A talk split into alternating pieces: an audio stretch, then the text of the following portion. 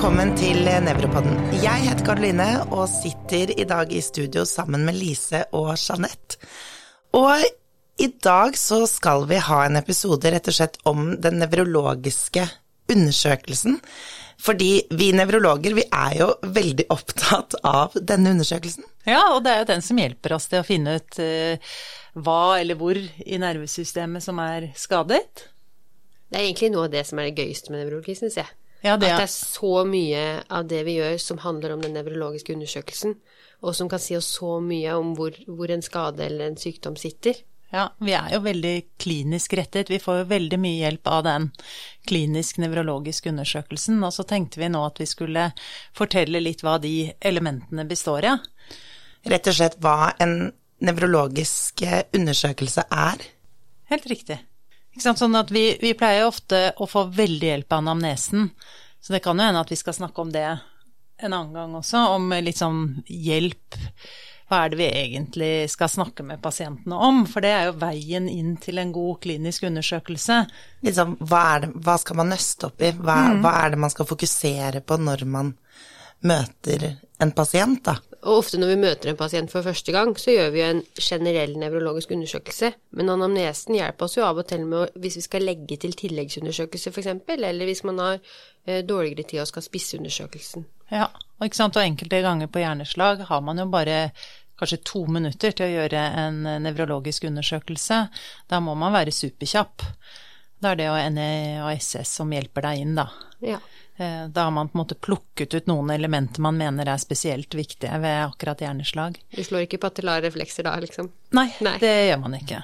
Men en nevrologisk undersøkelse, den, eh, den er jo ofte delt inn i det som heter overordnede funksjoner, hjernenerver, motilitet, sensibilitet, koordinasjon og cerebellære tester, stående stilling og gange, og så er det eventuelt andre undersøkelser. Så jeg tenkte at denne podkasten skulle liksom handle om de elementene, at vi bare litt fort går gjennom de, og så kanskje en annen gang så kan vi snakke litt mer grundig om de ulike elementene. Ja. Høres ikke det lurt ut, da? Jo. Jeg tenker, Jeanette, at du bare må dra oss gjennom denne episoden, ja. og kan du bare starte? Ja, det kan jeg gjøre. For er det, liksom, hva er det vi mener med overordnede funksjoner? Og der tenker jeg at vi må Vi snakker jo med pasienten, så vi får jo på en måte et inntrykk av deres liksom mentale funksjoner. Eh, virker nedstemt, oppstemt, eh, fremstår de ryddige, rene? Eh, ikke sant? Det er jo det derre litt generelle inntrykket. Eh, våkenhetsgraden ja, våkenhetsgraden. er jo kanskje det første vi vurderer, da. Ja, det, ja, selvfølgelig. Så det er veldig mange ting vi vurderer kanskje uten å tenke på det engang. Bare når de på en måte kommer gående inn, eller bare ved det første blikket når du ser på de, så ja. er det jo veldig mange av de tingene her du på en måte fanger opp med en gang. Ja, ikke sant. Responstiden, ikke sant. Den der med litt latenstid, er det det? Mentale funksjoner og psykiske symptomer det er jo kjempeviktig å vurdere, også som du sier, Lise, dette med bevissthetsgraden. Da. Og da har vi jo ofte et skjema vi bruker, eh, Glasgow koma-skala, som dere kanskje kan si litt om? Glasgow koma-skala er da eh, tredelt vurdering av en av øyeåpning, eh, verbal respons og motorisk respons. Og så scorer man maks 15 hvis den er helt normalt, og så dårligst på 3. Ikke sant, så alle, alle får minimum 3 poeng, og så maksscore er 15. Jeg tenkte Vi trenger ikke å gå innom liksom hver Nei. enkelt nivå Nei. av uh, Glasgow Coma Scale. Men, men, det er liksom uh, dette med bevissthetsgraden. Og så er det mentale funksjoner. Så er det jo eh, Altså de vanligste tingene vi vurderer, det er orienteringsevne. Altså orientert for tid, sted og situasjon. Altså hvor er du, hvilken dato er det, og også hvorfor er du her? og så dette med oppmerksomhet. Og det er jo kanskje av og til kan være litt vanskelig å vurdere, da, men man kan jo gjøre noen tester. F.eks. Eh, spørre dem om eh, noen enkle regneoppgaver, eller litt hvordan de er eh, generelt litt orientert, eller om de klarer å holde flyten i en samtale. Og om de klarer å ta litt komplekse instruksjoner, da kan de ha ganske god oppmerksomhet. Også dette med visospasiell evne, det å på en måte kunne klare å tegne da pleier vi ofte å bruke den femkanten som man skal tegne inn i hverandre. Men man kan jo bruke hendene også, med å lage figurer eh, med hendene og be dem om å kopiere det. Det er visospasielle, det er liksom kognitive funksjoner. Det er ikke det man kanskje gjør akkurat idet pasienten kommer inn, da, men man kan få litt inntrykk av det. Det du, eh, det du beskriver, den kuben fra MMS og Mokatest, da? Ja, ja. ja, det er det. Mm. Sånn, hvis du tenker liksom mentale funksjoner, hva man får litt inntrykk av. Og så er det hukommelse, tale, språk og eksekutive funksjoner som hører inn under de mentale, da. Og da er det, syns jeg, liksom tale og språk, det skjønner man kanskje hva er for noe. Er tall flytende, eller eh, er det ordleting? Er det det man kaller ordsalat? At de snakker flytende, men det er bare tull? Eh, det er ikke noe sammenheng. Og hukommelse ja. Hvis de har problemer med, med talen, så har man jo også andre mm, hjelpemidler, da, sånn som Um, f.eks. disse bildene man kan vise ja, uh, under NUSS, f.eks. Ja, den sånn, lille brosjyren som du tenker på, ja. den dere går med i lomma. Og da har ja. man jo sånn uh, at man skal beskrive hva de ser på bildet, eller om de klarer å lese ord og setninger og ja. Hvis, hvis, man på en måte får et uh, lite bilde av at her er det noe ja. med talen, da. Ja, jeg er helt enig. Og eh, hukommelse kan kanskje liksom man tenke ofte på som bare korttidshukommelse. Ikke sant, at man uh, spør ber dem å huske ostsykkelbok eller andre tre ord, da. Men det er jo viktig at man også sjekker litt om de er orientert for nyhetsbildet, uh, og om de kan kanskje navnet på litt byer i Europa. Statsministeren. Ja, for eksempel. Ja. Men ofte så er det vel litt sånn her at man får et visst inntrykk gjennom anamnesen. Helt riktig. Og så pleier jeg ofte å ta en sånn kontrollsjekk, at de kan vet hvilket år det er, måned F.eks. NISS gjør vi jo det, da spør vi etter måned og alder. Ja, for det er jo et litt og hvis det holder, på en måte, og de upåfanne i samtale, så begynner ikke jeg å gå videre med dybdeundersøkelse av en hukommelse. Jeg er helt enig, Lise, for det er jo Veldig mye av det her får man jo egentlig Catcher man opp naturlig når ja, man tar litt av amnesen på pasienten, da. Ja, det syns jeg, men det gjør vi kanskje fordi vi har litt klinisk erfaring, og så blir det ofte sånn at ja, men hva er egentlig f.eks. det siste punktet, da, eksekutive funksjoner, mm. hva er det for noe? Uh, og når det bare blir hengende som en sånn spørsmålstegn, så lurer man på om man egentlig har liksom funnet ut av det.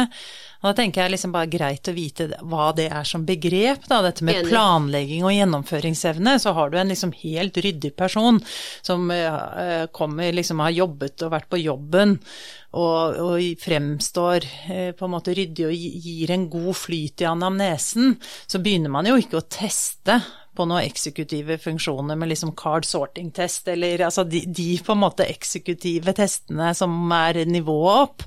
Det gjør vi aldri i akuttmottaket heller. Nei. Men eh, man får jo et inntrykk både gjennom å spørre pasienten, men, men sånn som f.eks. eksekutive funksjoner er jo av og til at man får av pårørende. ikke sant? Dette med planleggingsevne og gjennomføringsevne som eh, kan være vanskelig ved f.eks. Eh, demenstilstander, da. Og så er det jo greit å ha de her i bakhodet når man har gjennomført en undersøkelse. Så har vi vel alle opplevd i varierende grad evne til å samarbeide om undersøkelse.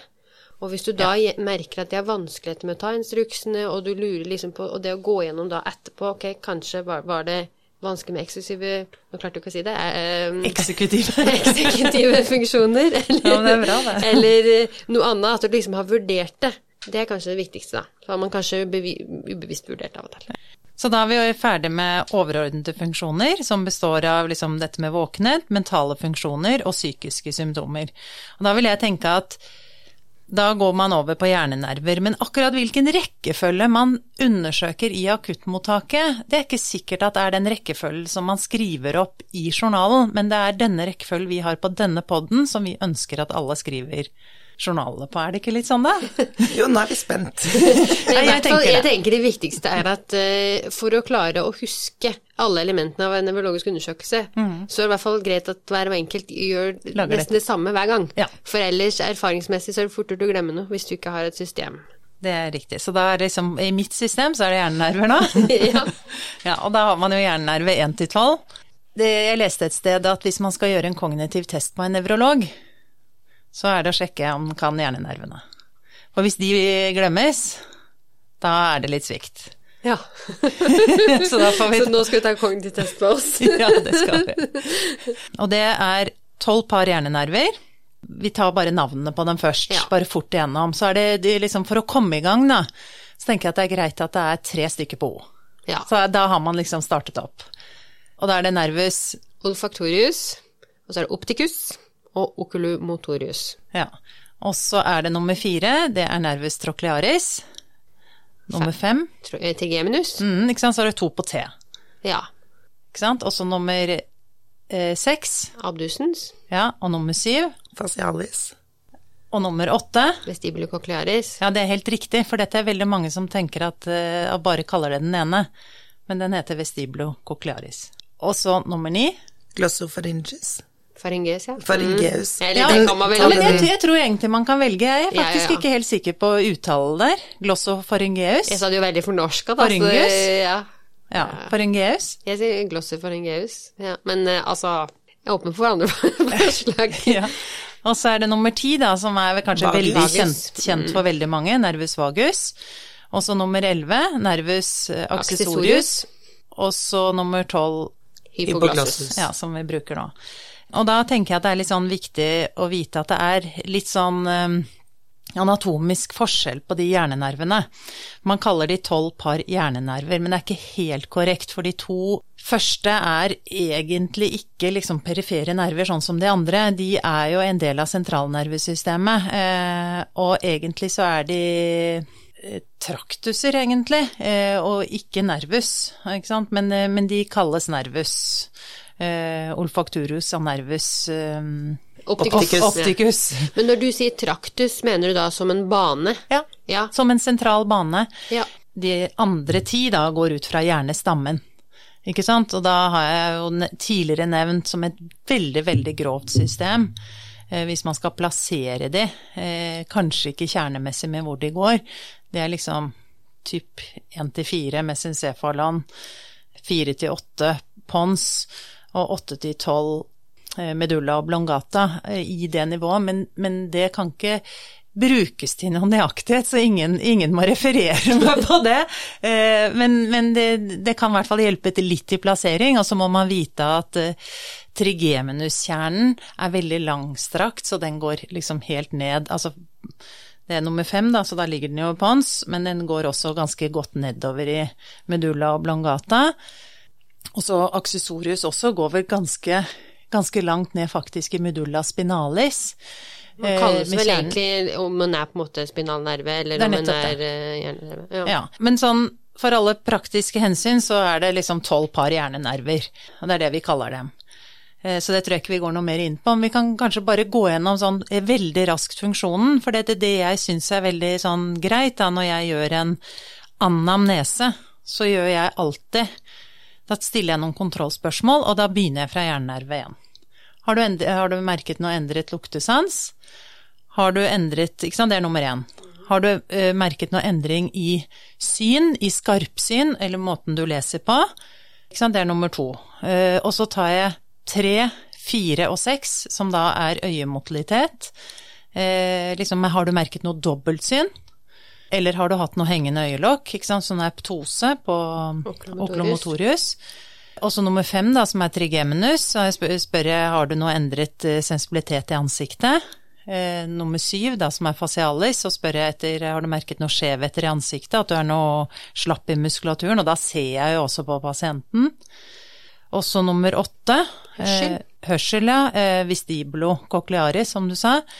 Eh, så spør jeg etter om de har merket noen endring i likevekten, altså at det er noe mer ustø enn før, eller om de har merket noe for- forskjell i hørsel. Og så vagus, som er nummer ti. Eh, Da er det jo Nei, unnskyld, det er nummer ni først, glossofaryngus. Og ti, de tar jeg sammen, så da spør jeg etter endring i svelging. eh, For det er på en måte det man merker. Man merker jo ikke på en måte vagus på den måten den er som en sånn autonom nerve med hjerte og sånn nødvendigvis, da. Så det, det, jeg spør først og fremst etter svelging. Og så accessorius noe svakhet i, i skuldrene eller ved å bevege på hodet, og det er også sånn som jeg på en måte observerer litt. Og så hypoglossus og spørre etter om man har merket noe snøvlete tale. Så det liksom spør jeg veldig, veldig fort igjennom.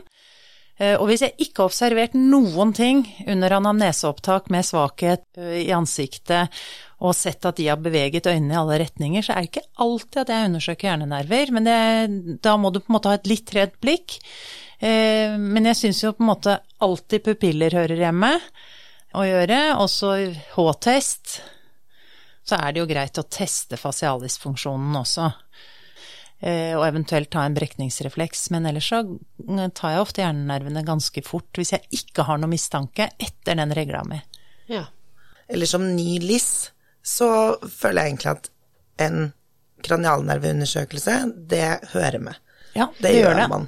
Ja, og jeg, det gjør det, jeg gjør det nok alltid. Mm. Ja. Og så har jeg mitt system, og jeg gjør det veldig kjapt. Ja, Og men er der jeg ikke har noen det. sterk mistanke, så kan jeg gjøre det Og da er det jo Og det er på en måte litt under den uh, nevrologiske undersøkelsen som man gjør hver gang man på en måte møter en ny pasient, i hvert fall i akuttmottaket, da. Uh, så, og det er jo sånn etter hvert så lager man sitt eget system på hvordan man undersøker. Jeg tenker at man kan ta litt mer eh, snarveier når man har erfaring, og det å ha undersøke fra enten topp til bunn eller fra fra 1 til 12, det er egentlig det samme, men man må ha det samme systemet hver gang, sånn at man ikke mister noe. Så det er superviktig, men anamnesen her kan være til veldig, veldig stor hjelp, da. Eh, Vi skal helt sikkert gå mer inn på disse hjernenervene og, og sånn etter hvert, men jeg tenker at det holder litt sånn for denne gangen. Og så Altså dette er en litt sånn snarveimåten å undersøke hjernenervene på når jeg ikke har noe mistanke om noe. Jeg tenker når man er nyere, men også generelt, så syns jeg det kanskje det er en fornuftig måte å gå litt nøye inn på hjernenervene. F.eks. For eksempel Donders-prøve er jo også veldig viktig, altså det å eh, undersøke synsfeltsundersøkelse, som ikke alltid kommer frem i anamnesen, og det med sensibilitet i ansiktet, med bomullsdott og stikk eh, og bevegelse i ansiktet, og prøve også med tanke på hørsel, om man gjør en Rinne og Weber f.eks. med sånn vibrasjonsskaffel, eh, og som jeg nevnte dette med eh, Eller brekningsrefleks. fingergnissing. Ja, det var den Men enkle Weber og Rinne har vel fått litt sånn eh, Ja, bare gjør det med fingergnisning. ja. ja det er du helt rett i. Jeg, jeg pleier å gjøre det, i hvert fall ja. pleier å spørre sånn eh, om liksom de har merket noe, noe hørselstap, og så rett og slett bare ta fingergnisning som en Ja. sånn kjapp, Ja. bare kjapp. Og så sjekke, når jeg sjekker pupillene, så sjekker lyset frem samtidig i munnen. Sjekker at ganecellet ikke at den er midtstilt, og Ja. at uh, sjekker tungemotilhet samtidig. Ikke sant, så, og da har man gjort egentlig en grov undersøkelse på hjernenervene i hvert fall. Også hvis det er noen på noen, da går jeg grundigere til verks. Eh, Men det tror jeg ikke vi skal ta opp her. Og da er det litt sånn, neste punkt på programmet er motorikk. Der er jeg veldig nøye med hva jeg mener motorikken skal inneholde, for jeg mener at det skal, veldig mange glemmer, inspeksjon. Ta av alle klærne og se etter eh, Ta av alle klærne. Ja, se, etter, se på muskulaturen. Om Se hvordan det ser ut. Atrofi eller eh, Ja. ja. Atrofi, fasikulasjoner, ufrivillige bevegelser. Og også altså mus muskelfylde generelt, få et inntrykk av det. Så inspeksjon, palpasjon, altså det, det å kjenne etter altså hvor det er vondt eventuelt, da. Og så jeg syns jo dette med hypotoni, det er jo et veldig sånn vanskelig begrep. Eh, Men er det en gang jeg, altså noen ganger jeg merker dårlig tonus, hypotoni, det er jo ved å palpere muskulaturen. Da kan det bli helt sånn deigaktig, som å bolle deg. Så palpasjon av muskulaturen syns jeg av og til kan hjelpe meg. Eh? Så inspeksjon, palpasjon. Så kommer tonus, eh, som er altså muskelspenningen, eh, som vi nevrologer ofte liksom deler inn i to, da rigiditet eller spastisitet. Og da tar du rett og slett og For det er jo litt sånn Bare å forklare hvordan man undersøker tonus. Ja, ikke sant, og da er det enten ved raske bevegelser, eh, rask ekstensjon i albuen og rask fleksjon i, i kneet, eh, som eh, man tester spastisitet sånn lettest på. Så du kan, når du undersøker tonus, så holder det på en måte å teste ved albuen og teste ved knærne. Ja, sånn i hvert fall raskt, da, men hvis du har litt mer mistanke om det, eller får noe napp der, så ville jeg jo gått videre og så testet også på eh, abduksjon i underekstremiteten og i anklene også, som også er et lett sted å finne. Og håndledd. Håndledd, eh, spastisitet er ikke spesielt god der, da er det pronasjon, supinasjon. Men rigiditet Er det beste i håndledd, og så eventuelt i underekstremitetene. Så da er det altså inspeksjon, palpasjon, tonus, hvor tonusen er økt, deles inn i enten spastisitet eller rigiditet, så er det enkle ganger du liksom syns at det er en mellomting mellom de to eller noe annet. Da skriver man kanskje bare at tonusen er økt. Eh, så er man litt usikker på hva det er, eller at pasienten holder litt igjen eller ikke samarbeider, men skriv det ned. Eh, og så er det kraft. Og så siste, siste liksom delene er tempo og finmotorikk. Eh, så jeg syns liksom alltid at motorikk- eller motilitetskapitlet skal inneholde alle de elementene. Også på kraften så ønsker jo vi at man graderer eh, fra null til fem, for å få et inntrykk av hvor sterk pasienten er. Så er man på en måte fullt oppgående og med fullgod kraft, så har man da femmerverdier over alle ledd. Eh, og så har man jo på en måte noen steder Man kan jo ikke teste alt alltid, men, men man tester ofte over de store leddene, i alle fall. Og så mm, si at vi tester for kraft i albue, da, for fleksjon og ekstensjon i albue. Eh, så er fullgod kraft R5. Og så er 4 er 50% redusert. Og hvis du da merker at det er liksom bare litt redusert, da, men det er sideforskjell, hvordan graderer du det da? Ja, det blir som å få karakterer på, ja, på skolen. Da? da? skriver du 54 eller 4 pluss eller 5 minus eller Ikke sant. Så det, det, er kanskje litt tilfeldig hvilken karakter du får der. Eh, men, og da blir det jo litt sånn skjønnsmessig hvor du legger deg på den skalaen. Og litt sånn at 50% reduksjon i forhold til frisk side, da.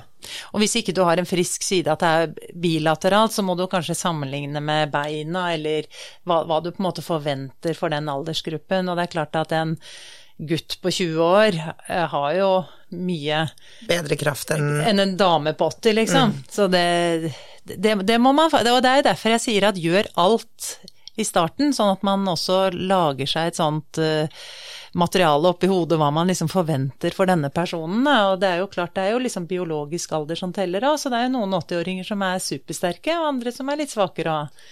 Så ja, men da er vi på fem er fullgod, fire 50 redusert. Gradering nummer tre, eh, altså grad tre, er um, mot tyngdekraften. Hele bevegelsesbuen, da. Mm. Men med en gang man legger på mere, så klarer man det ikke, ikke sant. Da, og da er det jo ofte liksom tre pluss, ikke som klarer litt, men ikke så mye mer. Og to, da må man oppheve tyngdekraften. Én, det er bare sånn at man så vidt ser noen bevegelser. Og null er en paralyse, altså en fullstendig lammelse, da. Eh, så det er veldig greit å liksom ha, ha begrep om den skalaen. Eh, og så er det tempo og finmotorikk. Da syns jeg egentlig alltid tempoet skal tas før finmotorikken. Fordi at eh, finmotorikken er veldig vanskelig å få opp hvis du ikke har godt tempo. Så tempo der slår man jo ofte med håndbaken.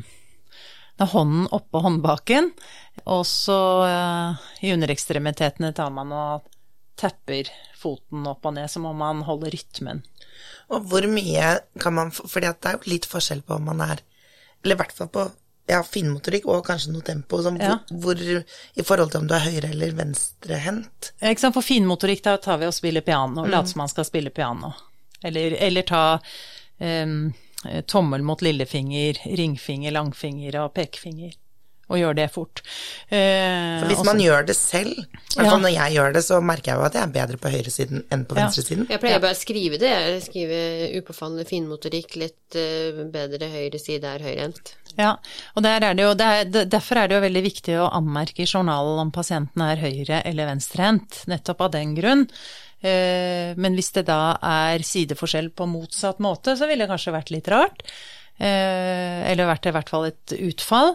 Og så er det jo noen som er veldig eh, unilaterale, altså de er veldig høyrehendte eller veldig venstrehendte og veldig klønete med motsatt side. De aller fleste, hvis det er et utfall, så merker de, når jeg ber dem ta tempo og finmotorikk, at er det annerledes? Syns du dette er litt rart, liksom? Eh, da spør jeg alltid hvis jeg reagerer. Eh, og det syns jeg får litt ut av, faktisk. Så det er liksom motilitet eller motorikk-kapitlet. Skal vi gå over på sensorikk, da? Ja. Da er det um, en, en sensorisk Altså under klinisk nevrologisk undersøkelse, det hører jo med å gjøre fem sansekvaliteter. Det tror jeg det syndes en del mot. Ja, og det, det tenker jeg, det forventer vi heller ikke. Der må anamnesen lede deg inn i hvordan du skal gjøre det her. Fordi ellers så må man skrine. Så hvis ikke det anamnestisk har kommet frem noen ting om at det er noe nummenhet, noe rar eh, følelse i huden, noe temperatursans, ustøhet, eh, eller noe belteform, altså noe rar, rart på magen, eh, eller noe trykk i brystet, altså noe sånn følelse av at det er en sånn slags stramt belte, eller at det er noe annerledes følelse på høyre side i kroppen, så så pleier vi vel som regel å skrine med kanskje to sansekvaliteter, i alle fall. Og det er jo da stikk og lett berøring. Det er det, og så syns jeg det er litt dumt, da, hvis vi bare tar gjennom hva de først er, da, fem sansekvalitetene. Det er overfladisk berøring, ikke sant, med en bomullsdott. Og så er det smertesans, da med en sikkerhetsnål. Den skal alltid hives etter bruk, eh, etter at man har brukt den. Og så er det vibrasjonssans, da med en stemmegaffel. Eh, og så er det temperatursansen, og så er det leddsansen. En kommentar der, fordi du sier lett berør, eller berøring med bomullsdott, mm. men jeg tror veldig mange bruker bare fingrene. Ja, og det er jo en sånn Det er på en måte helt greit som en screening, men hvis du skal begynne å tenke baner, så blir det litt feil, for da begynner det å liksom gå i flere baner. Men jeg tenker at hvis du skal teste ut eh, sensibiliteten fordi du er ute etter om det er bakstrengene eller de spinotalamiske banene er affisert, da er egentlig overfladisk berøring helt ubrukelig. Eh, nettopp av den grunn. Så da må man gå på de på en måte renere sansene, sånn smerte og temperatur, som går i de spinotalamiske banene. Og der er det liksom smerte og temperatur, altså forbokstaven på de to, og forbokstaven på banen. Så det er veldig lett huskeregel. Ikke sant? Smerte og temperatur, spinotalamiske baner. Og så er det vibrasjonssansen og leddsansen som går i bakstrengene. Og de er da mer tykke, melaniserte perifere nerver også de går fortere. Ikke sant? Veldig viktig å ha eh, rask, eh, eh, rask sans på akkurat det. Men det er liksom de fem, og vi kan heller komme inn på alle dette med litt sånn kryssede utfall og sånn, men det er vel sånn som du sier, du tar og gjør en screening på den måten, sånn som du sier, ved å spørre Kjenner du dette, kjenner du dette? Og så går man over med og sjekker også med en sikkerhetsnål. Eh, men hvis man da skulle lagt på den andre banen, på en måte, da, så ville jeg valgt eh, stemmegaffel og gått på med den òg, for det er også en sånn veldig fin test å gjøre. Den går veldig fort, og det er en litt sånn ja-nei-test. Kjenner du om det vibrerer? Og det er veldig lett å utføre, da. Eh, så den syns jeg gir meg en del. Men også leddsans er jo egentlig ganske lett å teste. Den er også veldig lett å teste, men den gir deg ikke så veldig mye hvis du ikke har noe ustøhet. Eh, på en måte. Hvis, hvis du eh, ikke har fått noe om ustøhet i anamnesen, eh, og ikke ser noe på gangen, for du har jo sett på pasienten idet den kommer inn, sannsynligvis. Men leddsans tester du da i stortåa? Stort, stortåas ytterledd, og så holder man på siden, ikke sant. Og så tar du den litt opp og litt, litt opp, ned forsiktig. Eller litt ned, ja. Mm. Eh, og det samme kan du gjøre med tommel. Så det er også en fin test, da, men jeg syns bare det er en del sånn eh, litt sånn subjektive ting. Jeg syns det kan være litt vanskeligere å tolke den. Og hvis jeg ikke har fått noe i anamnesen, så syns jeg ikke den hjelper meg så veldig mye. Men vibrasjonssansen er jo kanskje en, en sans man ikke nødvendigvis kjenner, og hvis den er eh, er borte, så kan det kanskje tyde på en begynnende polynevropati f.eks. før andre sansekvaliteter blir borte. Eh, så den er litt mer sensitiv, tenker jeg da. Så som sagt, det, å teste fem sansekvaliteter, det er vanskelig, og jeg tror de gamle nevrologene sa jo det at uh, man lot jo liksom pasientene ligge og modne på avdelingen før. Eh, og det, vet jeg ikke om vi har så mye tid til. Det er vel en gjennomsnittlig liggetid på to-tre døgn hos oss nå. Men, eh, og man kom ofte tilbake dagen etter og fortsatte den sensoriske undersøkelsen. Så, men eh, generelt så syns jeg kanskje det syndes mest på sensorisk undersøkelse å undersøke trunkus. Man, ja. man sjekker ekstremiteter, ansiktet, eh, men trunkus hopper man elegant over, og det er litt dumt, og spesielt ved medulære lesjoner. Så er det jo det som hjelper deg mest. Med å finne nivå. Ja. Mm. Men da kommer vi til neste punkt, da. Og det er jo kanskje det som gjen, altså, kjennetegner nevrologer best, og det er refleksundersøkelsen. Reflekshammeren. Ja, reflekshammeren, ikke sant. Og, og der, der, er det jo noen reflekser som alltid hører hjemme å gjøre ved en nevrologisk undersøkelse. Og det er brachioradialis.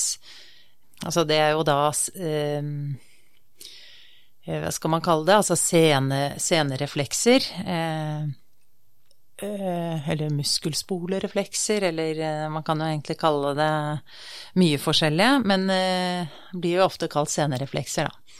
Men eh, da er det brachioradialis, triceps og biceps i overekstremitetene.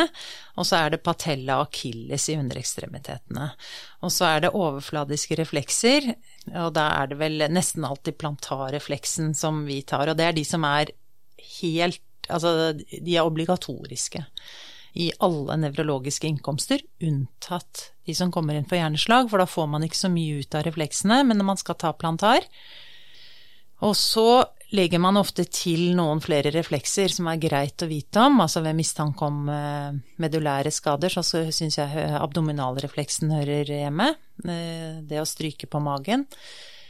Og så fingerfleksor kan man kanskje legge til enkelte ganger, som er også en senerefleks i fingrene med tanke på økt, økte reflekser. Kan du beskrive den?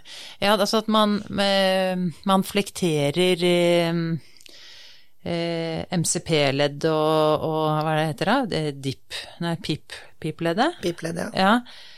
Eh, ytterleddet av fingrene, altså lett fleksjon i fingre. Og så holder jeg på volarsiden av pasienten, og så slår jeg på mine PIP-ledd, da, eh, eller DIP-ledd. Eh, og så får man en, da en liten fleksjon, hvis den er positiv, av, av fingrene. Og den skal det, være positiv, eller kan den ikke nei, være positiv? Den, skal, altså den, den, kan jo faktisk være positiv, men hvis den er økt, så er den i hvert fall positiv, da. Så den kan, kan være litt patologisk positiv òg. Men 90% av befolkningen eller noe sånt har vel den negativ. Så, men, og det fins jo masse andre reflekser også. Det fins jo posturale reflekser, og det fins eh, primitive reflekser. Eh, ikke sant? Eh, og, og, barn har andre reflekser enn voksne. Men det syns jeg at vi skal komme tilbake eh, ved andre anledninger. Og vi bruker jo pupillerefleks og kornearefleks, brekningsrefleks eh, og anokutanrefleks enkelte ganger når vi skal undersøke nedentil. Eh, bulbokavarnøse refleks, som er sjelden brukes, og kremasterrefleks. Ja, så det, det fins jo masse, og dette dette er jo liksom et eget En egen, episode? Ja, det tror jeg vi må ta seinere. Og så Da skal vi ta neste kapittel. Koordinasjon og cerebellære prøver. Det tar jo aldri slutt, det her. For hva er det dere pleier å gjøre da? Forenkla undersøkelse, finger-neseprøve mm. og kne-hæl-prøve. Og dystiadokokinesi-undersøkelse alternerende mm. bevegelser i eh, hender. Ja, så egentlig tester du på diadokokinese, da, og så er det dys dyss hvis ja, det er, ja. er, noe feil. Jeg kan si det litt mer presist, da. Da tester jeg finger-nese-prøve og kne-hæl-prøve og alternerende bevegelser i overx. Ja, for å teste med tanke på dyss, diadokokinesi. Mm, det, det, er riktig. Og så eh, er det jo mange som gjør type rebounds-fenomen eller Stuart Holm, da, som er kanskje varianter over det samme. Eh, som er en test eh, for å teste ut hvor fort du korrigerer en bevegelse som plutselig slipper. Eh, og det er jo av typen på en måte et overraskelsesfenomen, da, at du flekterer ved Stuart Holm, så flekterer du i albuen og ber pasienten om å flektere, og så slipper, du plutselig, og så ser man hvor fort pasienten korrigerer den. Og hvis det er en overshooting, altså at den den korrigeres for langsomt. Da blir det en litt større fleksjonsbevegelse før man slipper opp. Og husk å holde foran ansiktet til pasienten, da, slik at Ja, for eksempel. Ja. ja. så jeg er jo liksom mer fascinert av en annen måte å teste på sånn rebounds-fenomen, ved at eh, pasienten holder frem armene og bare slår fort på hendene, sånn at se hvordan hendene går nedover. Eh, og hvor fort man korrigerer. Men det har man jo kanskje et inntrykk av i hvordan pasienten beveger seg, så med trent øye så kan man faktisk se litt etter det også. De virker litt sånn, hva skal jeg si, litt uh, slumsete, på en måte, i motorikken.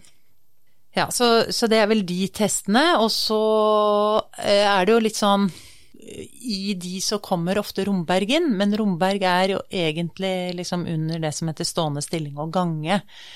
Ut, det er jo neste punkt på programmet. Eh, så, så, de testene her hører jo litt sammen, da, for du får jo egentlig veldig inntrykk av det cerebellære eh, inn under gangen også, for du tester jo for gangataksi der, f.eks. Og på koordinasjon og lillehjernen så har du også hørt på talen, som kanskje hører også under eh, undersøkelse tidligere, under overordnede funksjoner.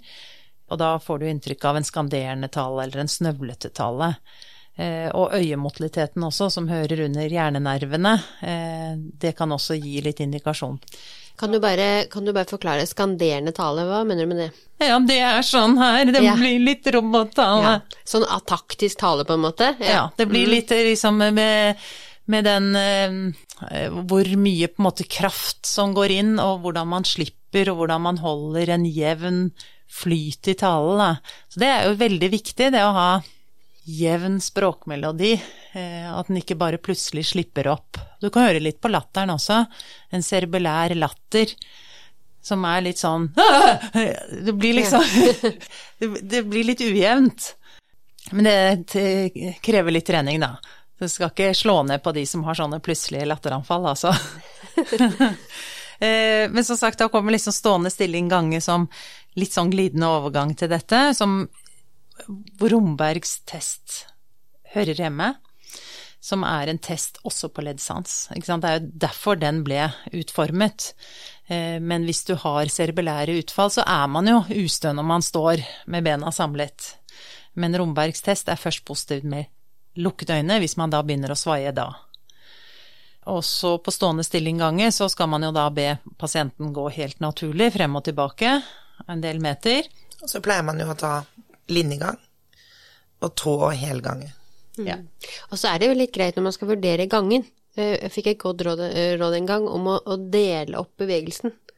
At du ser på flere, sant? du ser på beina, du ser på, du ser på skrittlengde, du ser liksom på hvordan føttene beveger seg, hvordan fotavviklingen er, og hvordan armene beveger seg sammen. For noen ganger kan man liksom få et inntrykk av at her er det noe galt med gangen, men hvordan skal man beskrive den? Ja. Og det å dele den inn gjør det ofte litt lettere å beskrive hva som er undermålt. Så det er jo riktig, og hvis man finner noe der, så vil man jo kanskje gå litt grundigere til verks, da. For jeg syns jo at det av og til kan være fornuftig å be pasienten gå baklengs, sidelengs, snu fort både til høyre og til venstre, eh, løpe, eh, løpe på stedet. Ikke sant? Så det er jo mange måter å, å teste på. Eh, men, men, det var litt sånn grovt grov gjennomgang selvfølgelig av dette her. Så er det andre undersøkelser, sånn som på ryggpasienter så gjør vi en, eh, en laseg, vi gjør rektaleksplorasjon, vi undersøker halskar, og for å ikke glemme at vi gjør alltid en generell somatisk undersøkelse også. Det skal vi jo ikke liksom ta med her, men det er jo viktig å lytte på hjerte, lunge og kjenne på abdomen og perifer nakken har vi vel kanskje litt glemt. Ja, nakke, mm. ikke sant, og hodestørrelse. Mm. Ja, så det er jo mange ting som hører med. Se over huden, vi har jo hatt en egen hudepisode. Ja. Så, men sånn generelt, da, hvis vi skal liksom Hva er det vi trenger til en nevrologisk undersøkelse? Hva er det vi har av utstyr? Trenger en undersøkelsesbenk. Trenger en reflekshammer. En vibrasjonsgaffel. En sikkerhetsnål. En bomullsdott. Eh, kanskje noen hvis man skal gjøre litt mer kognitive tester, så printer vi ut litt eh, tester. Ja, lys, og en lommelykt. Mm. En god lommelykt. Eh, og et oftalmoskop og et otoskop. Og et stetoskop, da. Og et stetoskop. Da er vi good to go. Og da vil jeg legge til en ting, for det vi ikke har snakket om i det hele tatt, eh, som av og til hører med en nevrologisk undersøkelse, som jeg har litt sånn forkjærlighet for, og det er paretallapstestene. Vi har jo en del paretallapsprøver i sensorisk undersøkelse, men det å alltid ha en liten boks eller pengepung eller et eller annet med mynter, eh, en sikkerhetsnål, eh, litt forskjellige gjenstander, sånn at man kan teste ut objektgjenkjenning, topunktsdiskriminering og sifferskrift, da, eh, som kanskje er de aller letteste paretallapstestene. Du skulle nesten hatt en ryggsekk, da, når ja. du skal gå rundt med det. Ja. ja. ja men man kan ha, ha mye i lommene, da. Så derfor er vel eh, eh, lommene og frakkene til en nevro nevrolog alltid litt fulle. Ja. Da har vi, tror jeg, vært igjennom det meste på nevrologisk undersøkelse. Og så er det jo noen punkter vi skal dvele litt mer med senere. Ja. Tusen takk, Jeanette, for at du tok oss gjennom undersøkelsene. Det var veldig lærerikt. Syns jeg vi har en god sånn episode om den generelle nevrologiske undersøkelsen.